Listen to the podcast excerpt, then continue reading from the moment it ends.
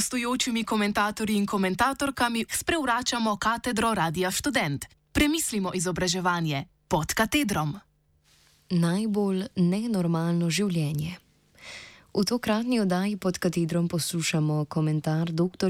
Mirjane Ule, socialne psihologinje, ki že več desetletij raziskuje obdobje mladosti.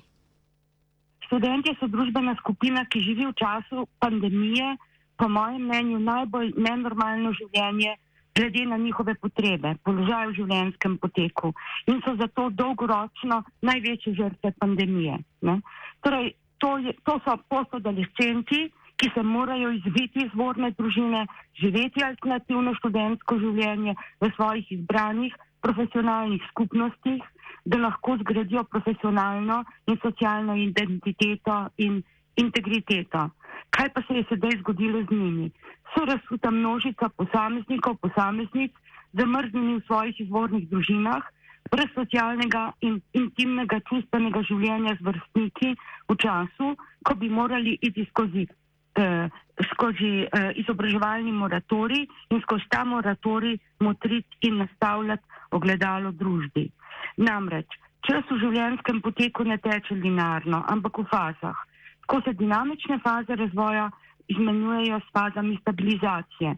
In mladost je ena najbolj dinamičnih faz v uh, življenjskem poteku.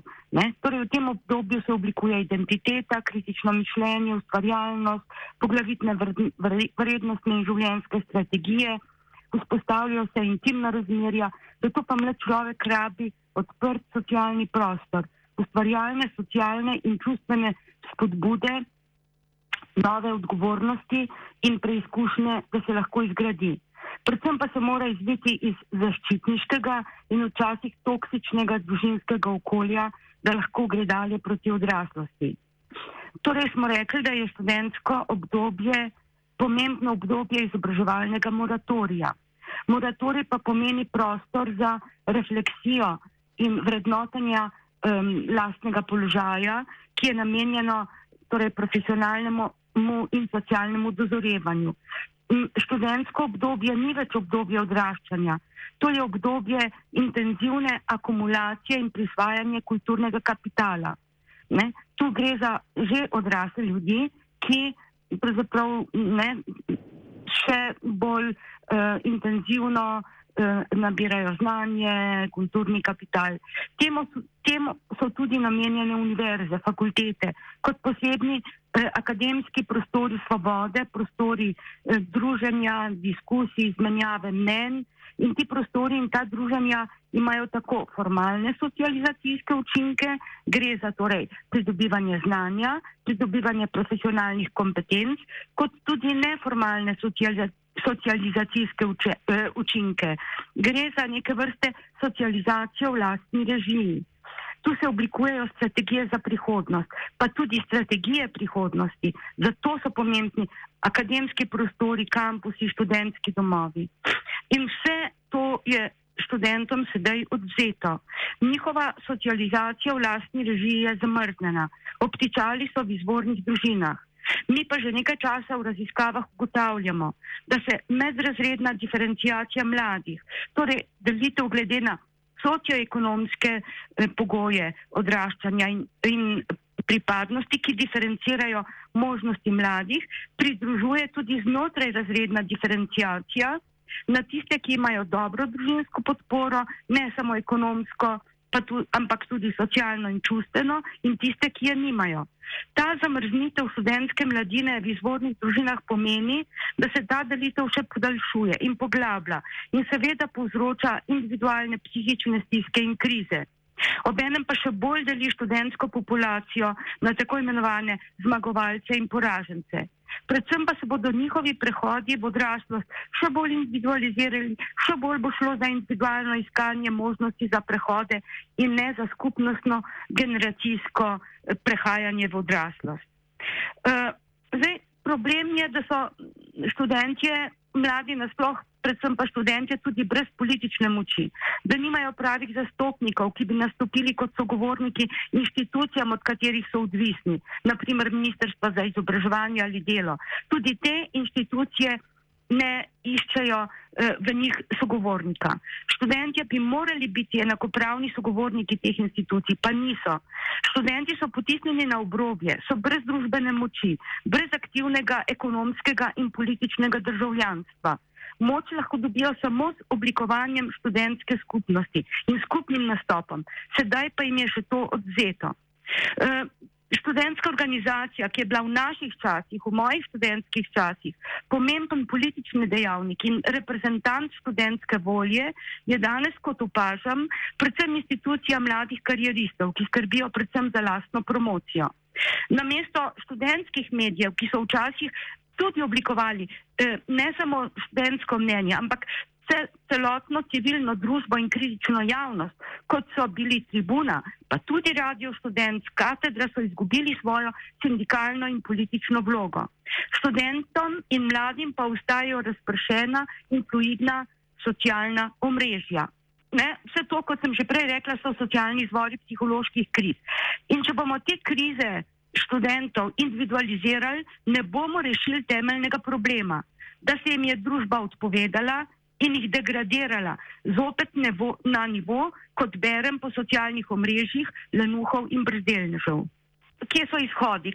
Ravnodušnost odrasle družbe do mladih pomeni tudi neodgovornost in ravnodušnost odrasle družbe do prihodnosti.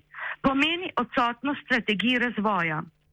Namreč o mladini kot pomenljivi družbeni skupini govorimo šele, če mladi lahko razvijajo svojo vizijo prihodnosti, in če jim odrasla družba prisluhne. Brez tega ni družbenega odraščanja, brez tega ni mladine, in, ker nam mladino določa prav to, da se dvigne nad psihofizični proces odraščanja in postane družbeno, kulturno in politično pomenljiva skupina, ki razvija svoje vizije prihodnosti. To je predvsem veljalo recimo za mlade v drugi polovici prejšnjega stoletja, nekje najbolj nekje med 60 in 90 leti. Danes mladim preostane, da se privatizirajo, umikajo v svoje zasebne svetove in da se prilagajajo možnostim in priložnostim, kot jih pač najdejo. Ker se jim je država odpovedala, se bodo tudi mladi odpovedali aktivnemu državljanstvu. Zakaj bi služili državi, ki jih pozablja in postavlja na stranski tir? Zakaj bi čutili odgovornost do take države? No, in še nekaj se mi zdi ključno, izjemno pomembno. Namreč s tendenčnim razvrednotenjem mladine se lahko, pravzaprav to razvrednotenje, so povezani tudi procesi ekonomiziranja izobraževanja. Naprimer, reduciranja nekaterih ekonomsko nezanimivih, pa formativnih študijev za razvoj družbe, torej eh, reforme študijev v smislu njegove večje produkcijske naravnanosti, kot se je zgodilo pri bolonski reformi. Eh, ne? Torej, takojšne produkcijske naravnanosti, ne pa v prihodnost usmerjene družbe. V smislu, če mladina ni več toliko vredna kot včasih, naj bo tudi ustrezno cenejša. Tu lahko potegnemo usporednico s kulturno sfero, ki je tudi v podobnem položaju. No, in kaj narediti? Ne? E, moje mnenje je, da je treba takoj ukrepati. Najslabše od vsega je, da bi sedaj stiske študentov psihologizirali in jih reševali individualno. Namreč mene sprašujejo v zadnjem času, kaj mislim o študiji eh, na IAZ, ki je govoril o tem, kakšne psihološke posledice so zaprtja za študentje. Moje mnenje je, študentje niso bolniki, študentje so žrtve tega neoliberalnega pristopa k reševanju pandemije, kjer vidimo, da oblast skrbi predvsem za delovanje institucij, ki prinašajo ekonomski kapital, torej trgovine, gospodarstvo, ne, ne pa za tiste, ki prinašajo človeški kapital, izobraževalne institucije, univerzo, kulturni kapital. Ukrepi, torej za študente, dolgoročno vidim naslednje ukrepe. Predvsem, da se jim podeli aktivno eh, ekonomsko in politično državljanstvo. Ekonomsko v obliki eh, univerzalnega temeljnega dohodka za vse študente, ki študirajo. Zaradi tega, da se jih razbremeni družinske podpore in da se jih postavi v enak socialni položaj in da so nujno študentje predstavniki parlamentarne demokracije v organih in aktivni sogovorniki. Torej, ena od možnosti za ponovno pridobitev družbenega smisla in statusa mladih je, da mladi postanejo nosilci novih, novih etičnih vrednot prihodnosti. Namreč to se v naših raziskavah že kaže, da so že dijaki in študentje ravno to, da so nosilci tako imenovanih ekspresivnih vrednot, ekologije, trajnostnega razvoja, skupnostne ekonomije, da so nosilci um, vrednot kot so skupnost, sočutje, altruistični individualizem, torej delati na, na sebi, mislijo na druge, na skupnost in da jih predvsem družba resno jemlje. Ne? Da se spet postavi mantra, ki smo jo mi, ko smo odraščali, bili deležni, da na mladih res svet stoji.